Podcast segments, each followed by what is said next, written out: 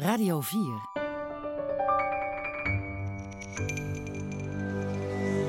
NTR.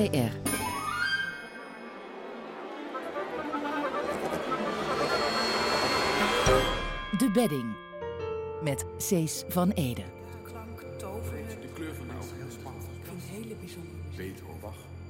Welkom bij De Bedding, het documentaire programma van de NTR op Radio 4 met de focus op klassieke muziek. Een kathedraal van klank is de titel van de muziekdocumentaire van Aletta Becker. Zij volgt de componist Daan Manneke bij het componeren van het tweede Utrechter Te Deum voor orgel en drie koren. De documentaire kwam tot stand met financiële ondersteuning van het Mediafonds. Een kathedraal van klank.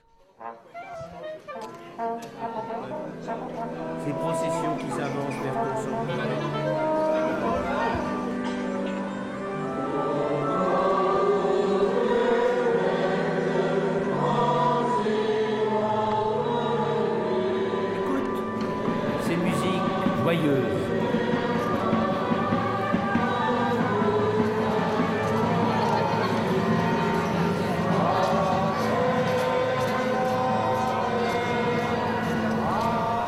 vind een processie iets fantastisch. Een massa zangers bij elkaar die heel veel soorten dingen doen, maar van ver af je het niet als massa, maar als eenduidig één ding. Hoe dichter ze bijkomen, hoe meer soortigheid ik ga waarnemen. Ten slotte wordt het zo veelsoortig dat het weer massa wordt.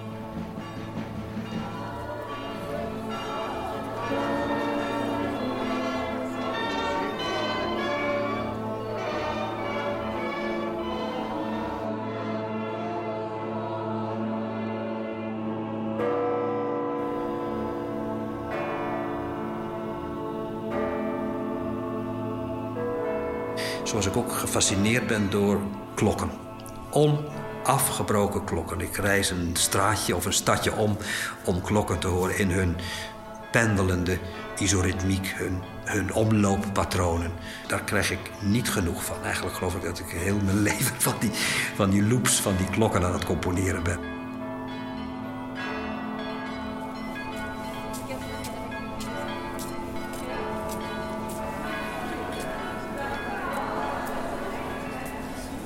Ik was in de Dom van Puy in, eh, in Zuid-Frankrijk. Immense dom. En wat ik daar hoorde, dat vond ik eigenlijk het, het voorbeeld...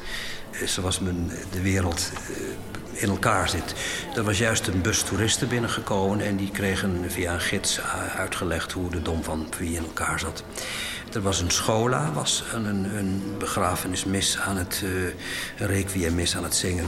Er was in een andere nis een organist een concert aan het voorbereiden... Uh, er waren individuele mensen die privé hun devotie uitspraken.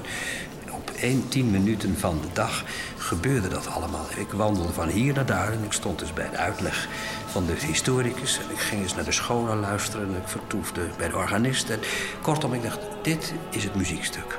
Minstens zeven, acht verschillende dingen, gekoepeld door de Dom van Puy.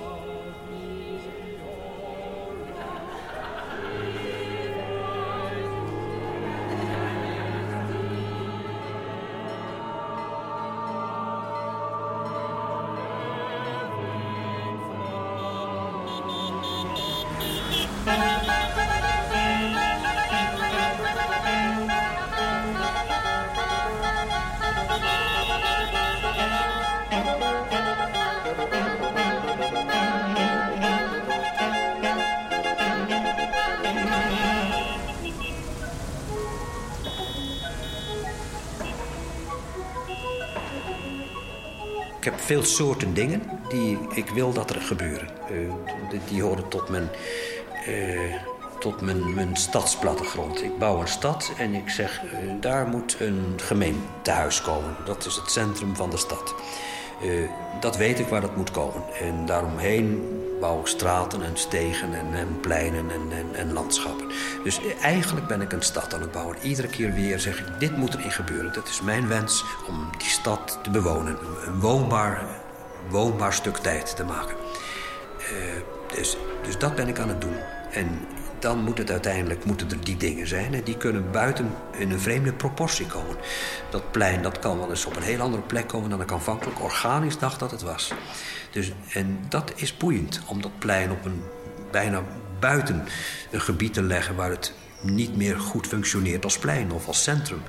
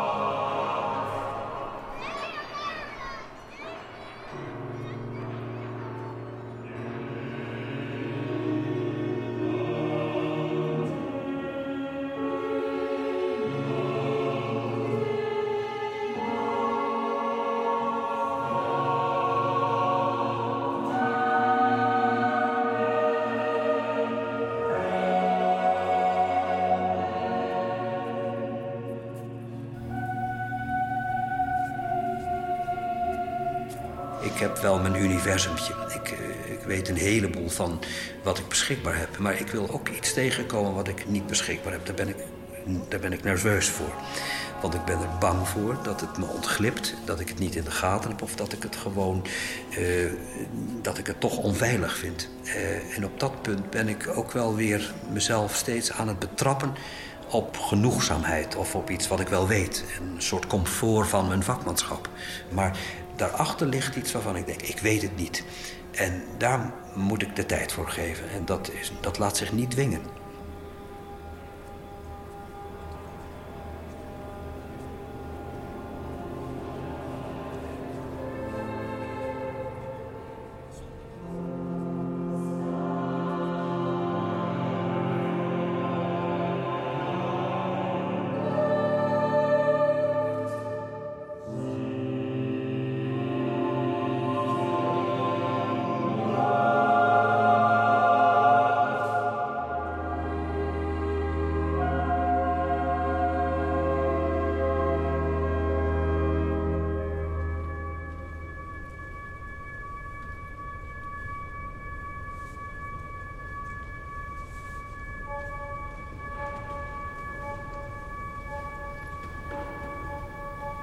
Orgel heeft me altijd heel erg geboeid. Het is een, een kolossaal soort muziekdoos met uh, onvoorstelbaar veel mogelijkheden.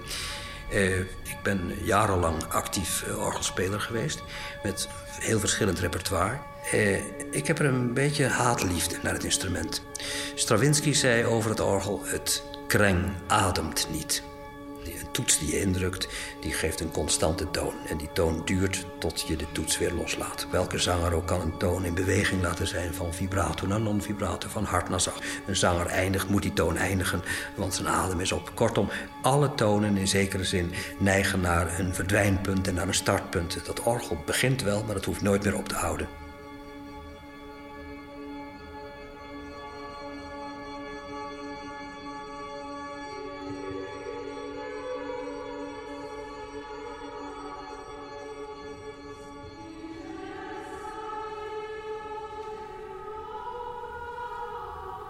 Ik heb een uh, opdracht gekregen. Ik ben uh, gevraagd om een afscheidsconcert te schrijven voor Jan Jansen.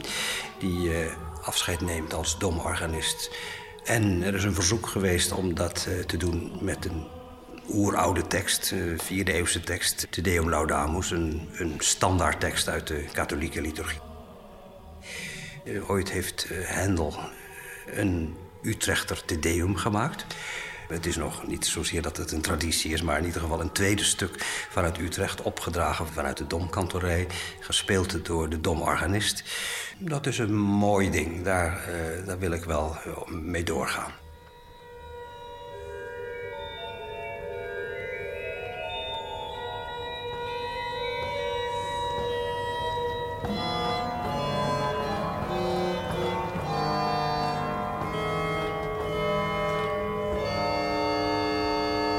Ja, Jan, het moment waarop je verder gaat bij letter I, dat moet je zelf maar bepalen. Ja. Wacht daar in ieder geval niet op mij. Un poco sostenuto. Ik ben begonnen met uh, de tekst te lezen. Langdurig de tekst te lezen. Los van mijn verwantschap daarmee, of mijn herkenning of mijn erkenning daarvoor. Ik ben niet katholiek van huis uit, dus dit, dit moet ik eh, adopteren. En dat adopteer ik van harte, want het komt uit een groot Europees erfgoed. Eh, als het staat Te Deum Laudamus, dat betekent God, u loven wij. Prachtige frase. Eh, denk ik, ja, wie loven wij? Eh, of je de schepping looft, of het bestaan, of eh, de eeuwige. Of het nu het bestaan van Spinoza is, of van Mohammed. Dat is eigenlijk al een, een, een soort verfijning die ik helemaal niet, niet aanga... die me eigenlijk ook niet interesseert. En tegelijkertijd zijn er van die andere teksten, bijvoorbeeld de deemoed, het knielen, het besef van onvolkomenheid. Dat kun je zonde noemen, onzelfstandigheid of onvolwassenheid. Alle woorden passen erop in ieder geval. Zijn we niet volkomen en we neigen naar volkomenheid, zou je kunnen zeggen. Of we neigen naar verbetering of naar sublimatie. Dat zijn al de dingen die ik zo in deze tekst terugvind. En die me boeien in een grote mate van abstractie... waarmee ik dus eigenlijk in een lijn kom van componisten... die waarschijnlijk allemaal op hun beurt hun bedenking hebben gehad... meer of minder met die tekst.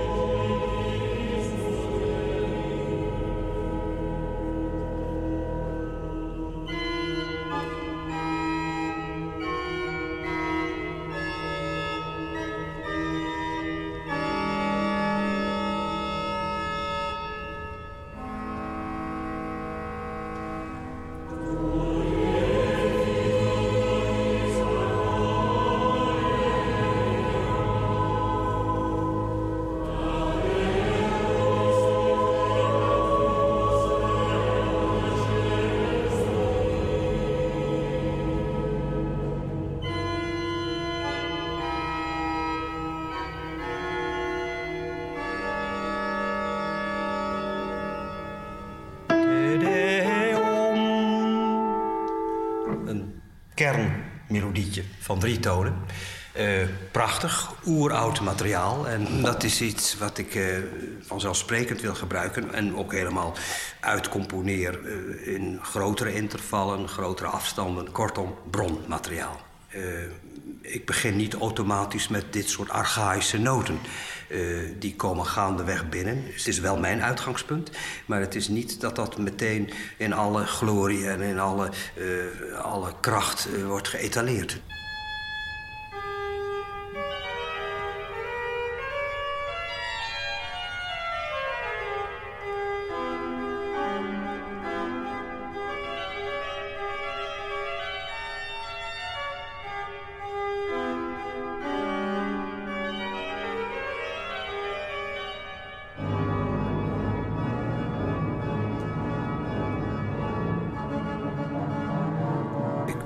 Deze zomer een thema gemaakt om op te improviseren. En dat thema is mijn uitgangsmateriaal. Dus zoiets. Dat is een heel actieve alto. Dat had dus niks met dit ideum te maken, maar het was goed. Het waren goede noten, ze bevielen me. En uh, zo toen deze opdracht binnenkwam, dat was om te beginnen voor orgel, was dat thema gedacht. Dus ik dacht, uh, er is nog niet mee gebeurd wat ik wil dat er mee gebeurt. Het is nog helemaal beschikbaar. Ik denk, dat is de opening. Dus ook op zich boeiend om iets van buitenaf te halen... en dat serieus te nemen en dat naar binnen te brengen. Hij klinkt schitterend. Hij klinkt wel, maar de inzet is ongelijk. En pats. Beetje crescendo maken. En weer weg.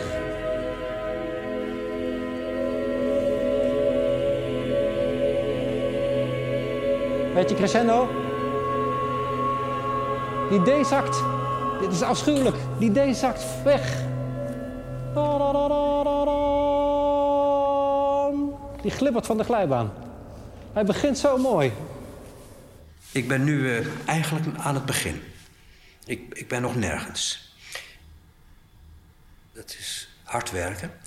Hard werken is niet het woord. Uh, het is niet dat ik onafgebroken aan die schrijftafel zit. Ik, ik, wandel en fiets liever met deze dingen uh, doordenkend en voor mezelf uitmompelend. En uh, het landschap bekijken en les nemen in het landschap. het licht wat ineens ongelooflijk snel valt. Ik ben geen schilder, ik ga ook niet dat licht schilderen... maar ik zie ineens de abruptheid waarmee iets kantelt. Dus ik denk, hé, hey, daar moet ik niet bang van zijn. Of ineens iets wat in een grote glorie aan het uh, manifesteren is... om dat ineens binnen korte tijd af te bouwen. Dat, dat wil ik wel zien, hoe dat gebeurt. Ik ben gefascineerd door riet. De riet vind ik een ongelooflijk mooi instrument. Dat typisch dat onafgebroken gefluister van dat riet. Dat vind ik heel bijzonder. Al die dingen die zoek ik in het landschap. Hun, hun verschuiving, hun verscheidenheid, hun verveling. Vooral hun verveling. Hoe vervelend iets kan zijn en hoe nodig het is om vervelend te zijn. Om iets niet te doen wat weer prettig op weg helpt. Nee, langdurig vertoeven. En dat is een heel gelukkig moment dat iets ja, helemaal geen haast heeft. En omgekeerd een razende haast kan krijgen om alles uh, ongeveer uh, te vernielen om maar ergens te komen. Dus het een is niet beter dan het ander, maar wel nodig om de verschillen bij elkaar te kunnen gebruiken.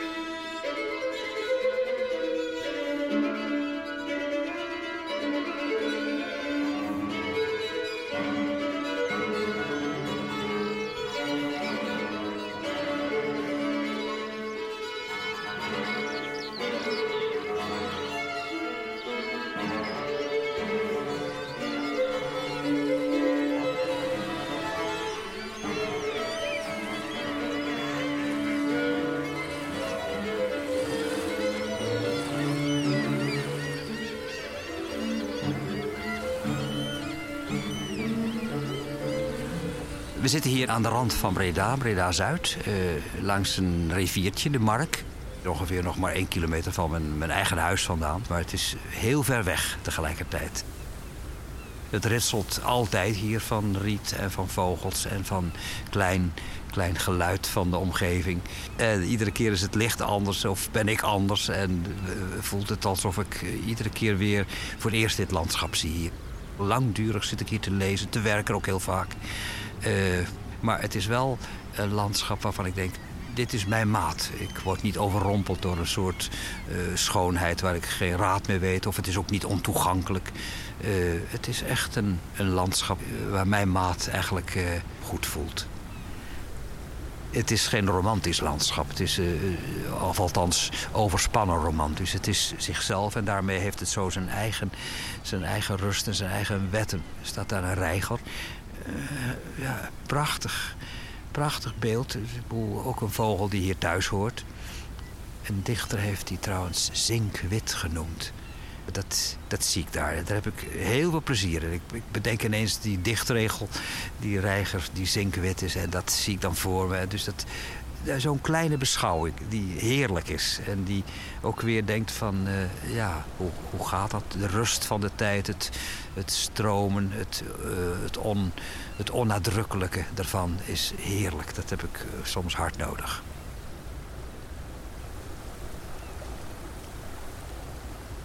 Er is zoveel te zien, omdat er eigenlijk alles wat er zich aandient, dat is opvallend. De, de, er lopen geen dromme mensen langs. Dus zo'n ene persoon die er aankomt met een, een beetje haastige tred. Uh, is prachtig om te zien. Geeft een soort markering ineens in het landschap die nog steeds zit. Die rijgen daar doodstil. Uh, die, die visser die daar straks was is vertrokken. Uh, steeds keren naar, naar keren, naar reflectie, uh, beschouwen. Niet, te veel, niet eens te veel doen, niet, niet eens te veel uh, mooie gedachten ontwikkelen, maar gewoon zomaar registreren van wat er gebeurt. Die reiger die nu een meter opgeschoven is, die mevrouw die dus daar weggaat, die kinderen die hier langs fietsen op, op weg naar huis. En dat, dat watertje hier, dat is onafgebroken hetzelfde. Ik, ik, ik kom hier ook zitten om eigenlijk weer steeds datzelfde wel weer mee te maken. Niet weer een nieuwe eh, zware impuls te ondergaan. Maar uh, het zijn natuurlijk ook composities. Het zijn in zekere zin ook stukken die, die op die manier ontstaan van polyfonie en eenheid en veelheid. En uh, onopvallend of juist heel geprofileerd inzoomen op iets. Dat zijn, eigenlijk zie ik dat allem, allemaal hier voor me, omdat ik dat wil zien. Ik, ik wil zo kijken. Dus zo'n bebouwingje daar van die huizen... wat landschappelijk gezien niet zo heel mooi is. Ik denk, ja, prima. Uh, die begraafplaats daarachter. Alles doet mee onder die koepel van rust en aanwezig en onnadrukkelijkheid.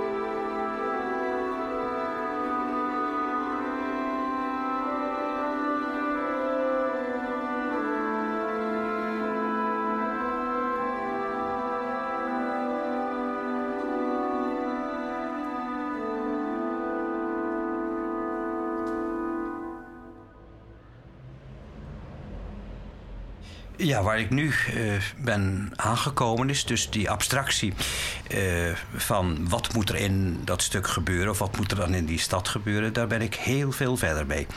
Ik ben die tekst weer heel goed gaan lezen en ik heb gezien dat er uh, om te beginnen drie grote geledingen zijn. Daar moet, daar moet gehoor aan gegeven worden in het stuk. Dat moet niet alleen maar voorbij gaan.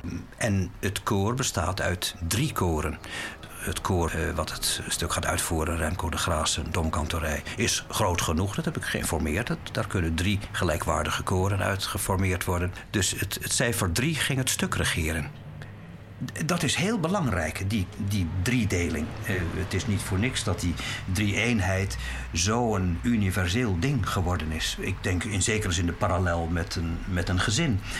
De vader op zich is nog geen vader als er niet een, een partner komt. En met die partner kan dat kind ontstaan verder. Dat, is een, dat zijn dingen die in die volgorde gebeuren en ook dan creatief worden.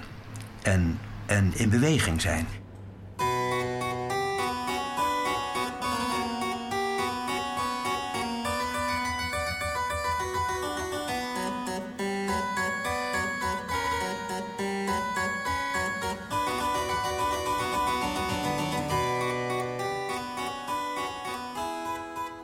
Dan is er een, een orgelinterludium. Er is een mooi moment in het, in het stuk. Daar knielt men. Toen dacht ik, dat moment moet ik benutten. Uh, daar moet iets gebeuren waardoor uh, een knik ontstaat. En daar heb ik een groot orgelinterlude voor geschreven. En dat is gebaseerd op een lievelingsfragment uit een van de driestemmige inventionen van Bach. Dat is de invloed van Bach, die dus doorlopend overal aanwezig is, zou ik eh, bijna kunnen zeggen, terwijl het niet eens zo concreet is. Maar dus dat aspect van taram pam param pam pirim piririm piam pam. Het is die kleine zuchtende figuur en dat ontstaat in dat stuk. Eh, dat is eigenlijk een hommage aan Bach zelf en aan de toon B. Die toon reserveer ik voor dat moment. Die toon valt ook buiten dat gebied van dat ideum. Dus hij is gereserveerd voor een nieuw gebied, voor iets wat er eerder niet op die manier was.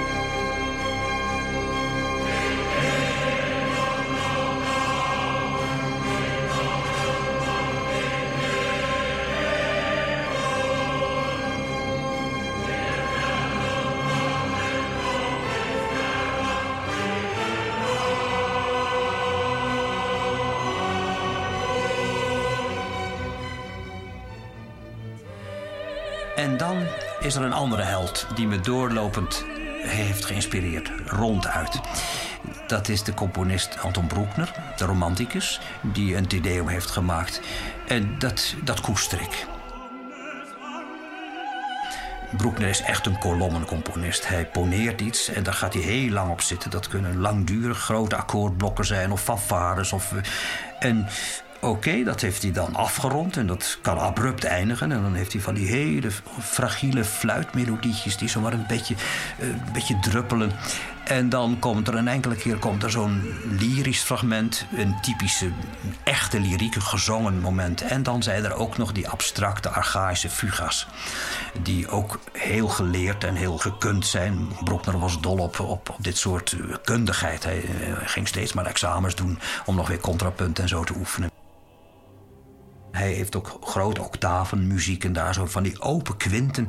denk ik, goh, dat is helemaal niet een romantische muziek. Dat is een soort, een soort organumachtige middeleeuwse muziek. Is dat, dat is zo, zo krachtig en zo ongelooflijk tegelijkertijd zo onikkig.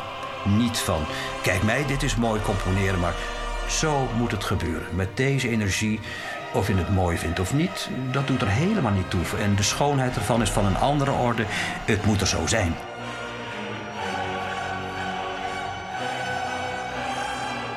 Ieder moment heb ik weer die Broekner tevoorschijn gehaald. En tenslotte in het laatste deel, daar citeer ik hem. Eh, gewoon concreet met toonhoogten.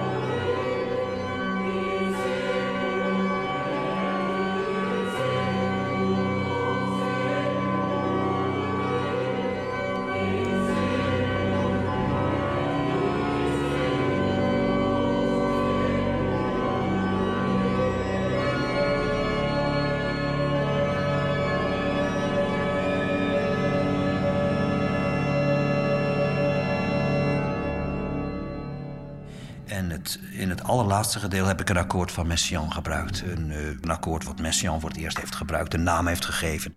Het heeft alle tonen van de grote tertstoonladder. En dat is precies het akkoord wat ik eigenlijk uh, kon gebruiken. Dus dan heb ik het ook genoteerd in de, op de manier zoals Messiaen het in die volgorde de tonen neerzet. Dus dat is eigenlijk ook weer zo'n ja, een historisch idee, want de historie is onafgebroken uh, present. Dus dat zijn de invloeden.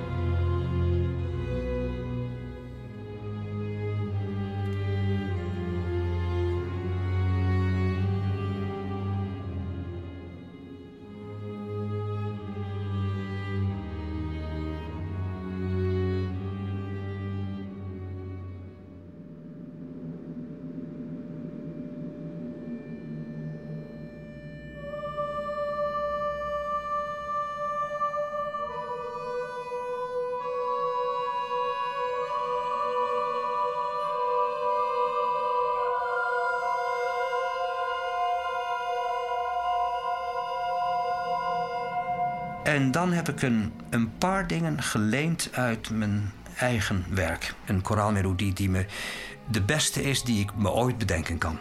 Het is me ook maar overkomen toen leek het, want ik zou het onmogelijk nog weer terug kunnen maken. Of terug kunnen bedenken. Het is ook een melodie die op geen enkele manier eigenlijk te harmoniseren valt, omdat die buiten iedere directe vorm van, van tonaliteit valt. Tegelijkertijd heeft hij iets heel centrerend toongevoelig, grondtoongevoelig zelfs. Uh, iedere keer weer verdiep ik me in hoe die is zoals die is. En ik ga hem je met plezier voorspelen.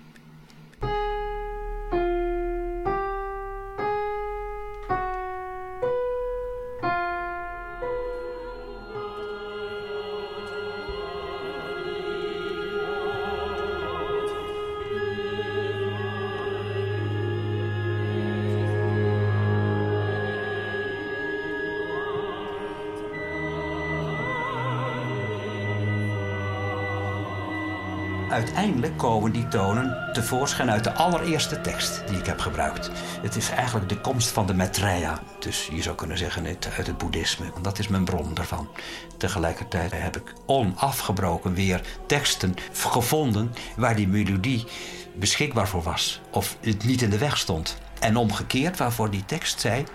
Ik spreek een tekst nu maar als een persoon aan kom op, ik voel me prettig bij die, bij die melodie. Je doet me geen geweld aan. Ik word niet overexpressief behandeld. Ik, krijg geen, uh, geen opgejaagd gevoel van iedere mooie intentie wordt becomponeerd. Nee, ik, die tekst zegt prima zo. Een neutrale melodie die rondzingt, die zijn, die zijn richting krijgt. Heel goed zo.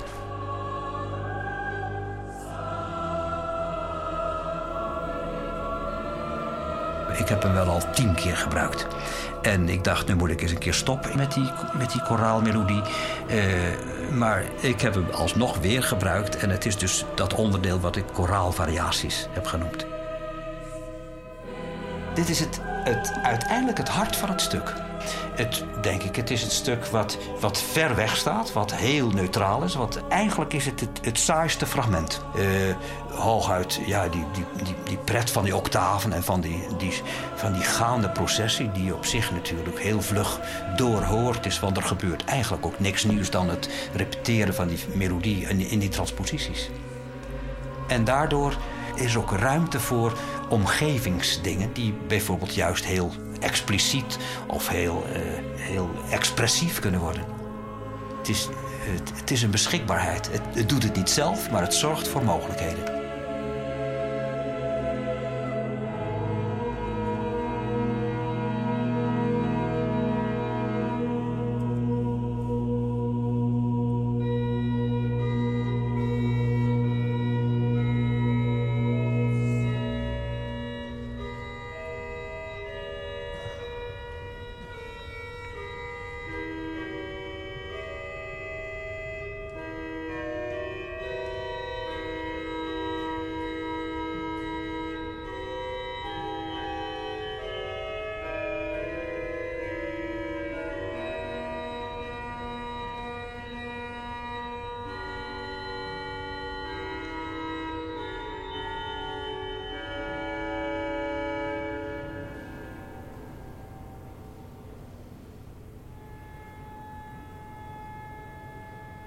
Grote kerk van Breda, het centrum van de stad. Een enorme kathedrale, monumentale gotische kerk.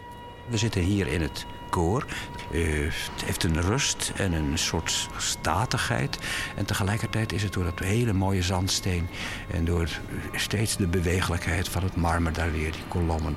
Uh, is het ongelooflijk ja, sympathiek. Het ontroert me eigenlijk altijd weer als ik dit, dit lichte gebouw zie... wat ook een maat heeft die zo fantastisch is. Eh, ik ben heel veel in veel kathedralen geweest. En dan is soms de maatvoering zo ver weg dat je zegt: waar begin ik aan? Als je Chartres binnenkomt, dan is het al aardedonker daar. Dus dat, je weet helemaal niet waar je bent. En het, dat, dat is tasten en, en voelen waar je bent. En deze kerk heeft een, een layout van uh, heel veel warmte en uh, er meteen thuis zijn.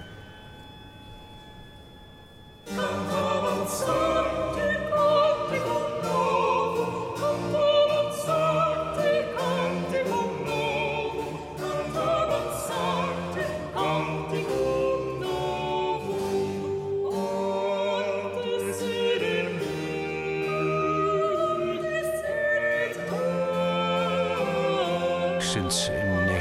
1971 woon ik in de stad hier. En mijn koor, uh, wat in 1976 is opgericht... dat heeft hier van meet af aan uh, geconcerteerd. Uh, omdat het de mooiste ruimte is van de stad. Omdat het ook voor muziek een hele mooie ruimte is. Het zingt heel fraai.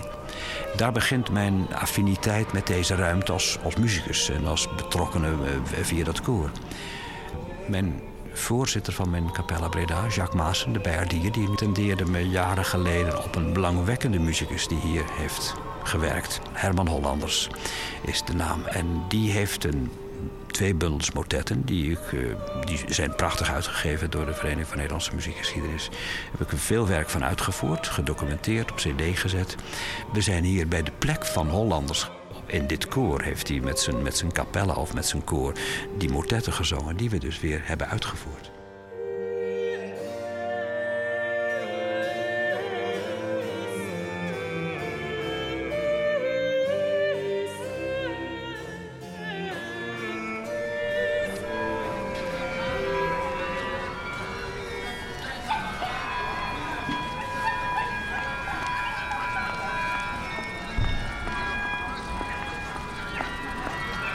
We staan op de markt van Breda, naast de grote kerk hier. En op de toren speelt Jacques Maassen, de Berdier, mijn concert voor 47 klokken. Zo heet dat stuk. Daar heeft hij net al een, ook een fragment van gespeeld. Dus dat is eventjes uh, lokaal een concertje aangeboden krijgen. Dus, uh, en dat doet hij wekelijks twee keer hier. Uh, dat is ook wel functioneren soms met uh, het, het, lied van NAC. Als, als NAC gewonnen heeft of als iemand jarig is hier van de markt. Maar gewoon ook repertoire stukken. Je hoort hoe die hier weer lekker aan het, aan het timmeren is. Dus. Zo'n bijaard is ook wel een beetje anoniem hoor. Het is, van, het is ver weg en het lijkt heel vaak een beetje op elkaar. Zou je ook kunnen zeggen.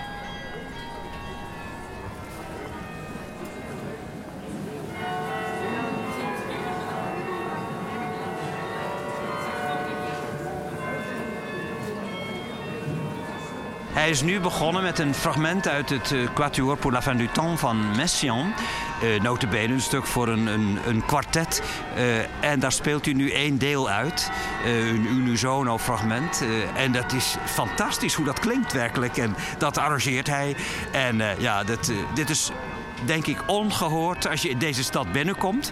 En je hoort dit stuk uitgerekend op Bijaard spelen. Dat is, nou, dat is de pret dubbelop. Het stuk hoor je al heel weinig. En dan op Bijaard, nou ja, dat is...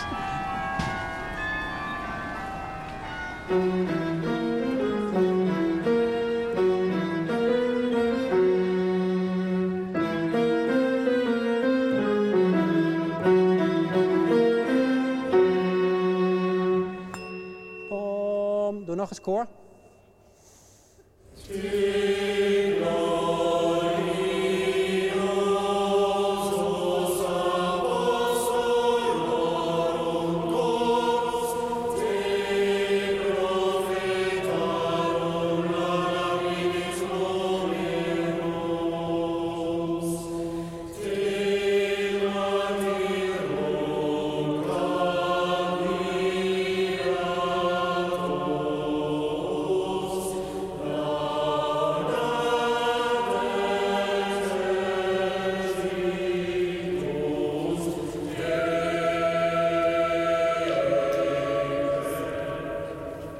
Deze tadam heel goed neerzetten?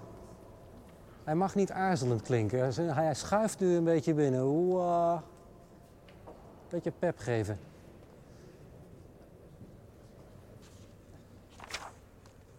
Ja, Jan, met jou erbij? Naar capo deel 3.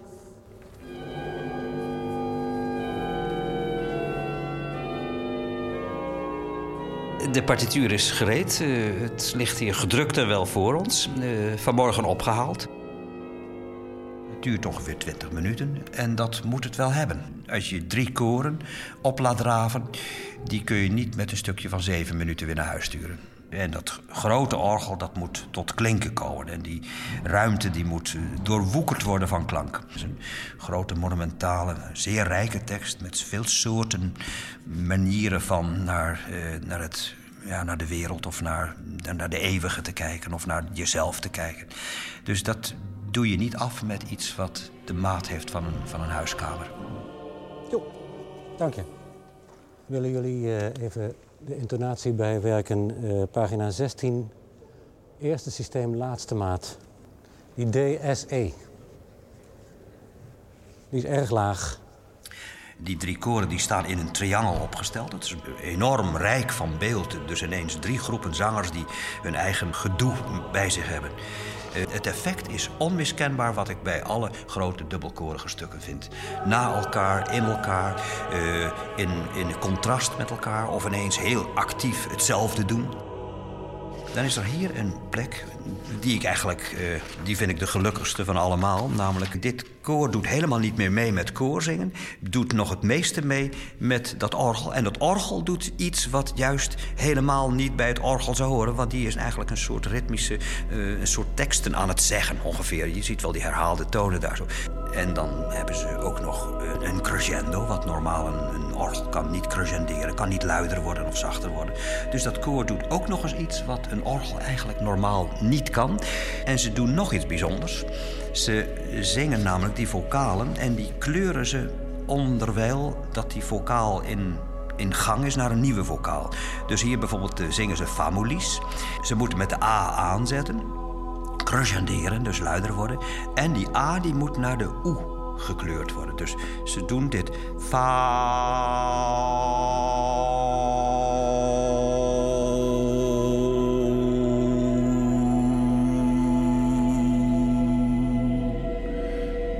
Fantastisch. Zo'n klankkleur veranderen. En als ze bij die oe zijn aangekomen, ze zingen het woord famulies in feite, maar dat is helemaal geen, geen object meer. Als ze bij de oe zijn gekomen, dan moeten ze naar de i. Ze zingen het woord famulies. Moe.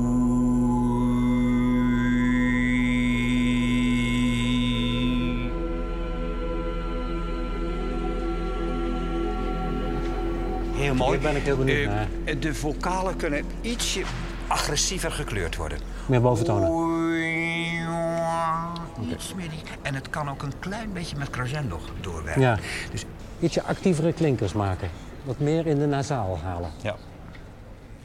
Het gaat over boventonen wat je de eerste keer deed. Ja, ja. Nee, We hebben het niet meer eh, samen gedaan hè, met het koor. dat, dat moet wel goed Maar dit, is echt ineens een aparte klankkleur. Ja. Echt Ja. eh, prachtig. Nou, gaat allemaal weer.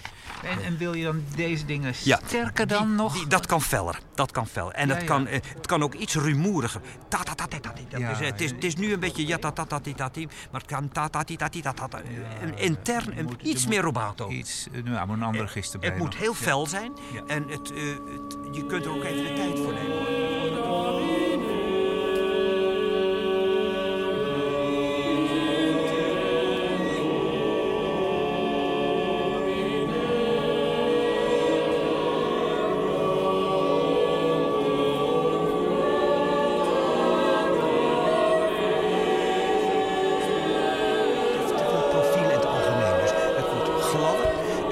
Minder persoonlijk zijn. Dus in het algemeen, ik denk dat de beweging ietsje rustiger kan. Sostenuto, waardoor het eigenlijk van meet af aan al een klankwolk is. Eh, dus het, dat is moeilijk om te doen, want het zijn echt allemaal inzetten. En het moet ook het moet er zijn op die manier. En het wordt heel mooi zuiver gezongen. Het is toch te individueel. En tenslotte, als dat gedeelte... eh, Dat, Hey, even ja. tussendoor. Ja. Hoe, vert- vertaal dat even naar... Hoe, maken, hoe wil jij dat wij het minder individueel maken? Eh, Wat moeten we doen? breder zingen. In te damine. In plaats van in te damine. Dat is heel veel Dat is absoluut veel mooier. Het is veel rijker. Maar dan ga ik dus af en toe eens, eh, zeker aan dat slot, even met, met andere Zeker. achtvoeten er Ja, nog zeker. doorheen. Nee, Ja. dat, de kleur is, is zo mooi om dat afwisselen te doen. Maar de, de grondkleur, die tongwerken, is echt... Is dat die Vox Humana? Ja. Echt beeldschoon. Nou Jan, dit is het. Nou, mooi. Geweldig. Ik ben er heel blij mee. We zijn eh, in de Dom in Utrecht. Het is bijna half vier en over een paar minuten gaat het concert beginnen... met het, eh, het stuk wat ik heb gemaakt de afgelopen maanden. Eh, het is heel mooi vol en er is een hele goede sfeer. En ik verheug me er erg op. Met mensen erbij gebeurt er altijd iets bijzonders... wat bij een repetitie nooit gebeurt. Dus daar ben ik ook wel nieuwsgierig naar... wat dan ineens iets optilt buiten een gewone goede repetitie... die we gisteravond hadden.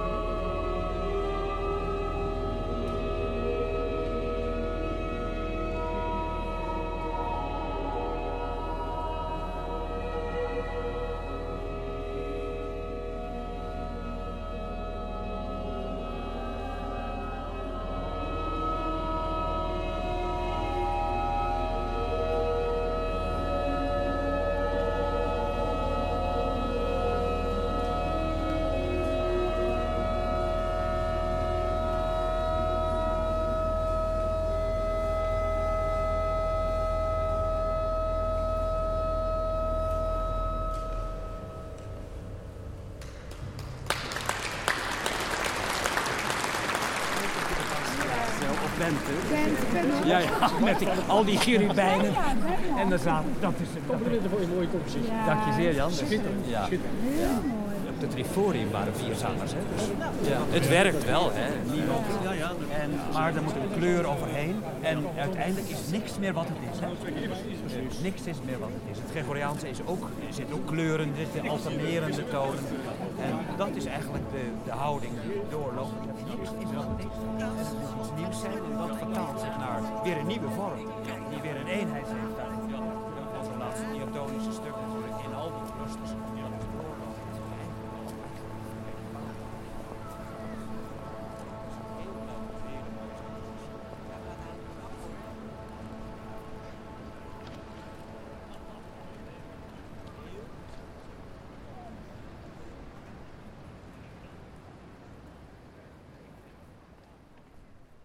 U heeft geluisterd naar Een kathedraal van klank, een documentaire van Aletta Becker.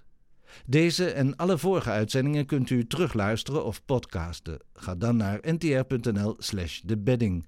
U vindt daar ook veel achtergrondinformatie over Daan Manneke. Reacties zijn welkom op debedding.ntr.nl. Volgende week aandacht voor de eerste van twee documentaires over Frans Liest, van idool tot priester, met Frans Liest-kenner Christo Lely. Maar dat is volgende week. Straks Max na middernacht met Vincent van Engelen. Voor nu nog een aangename nacht.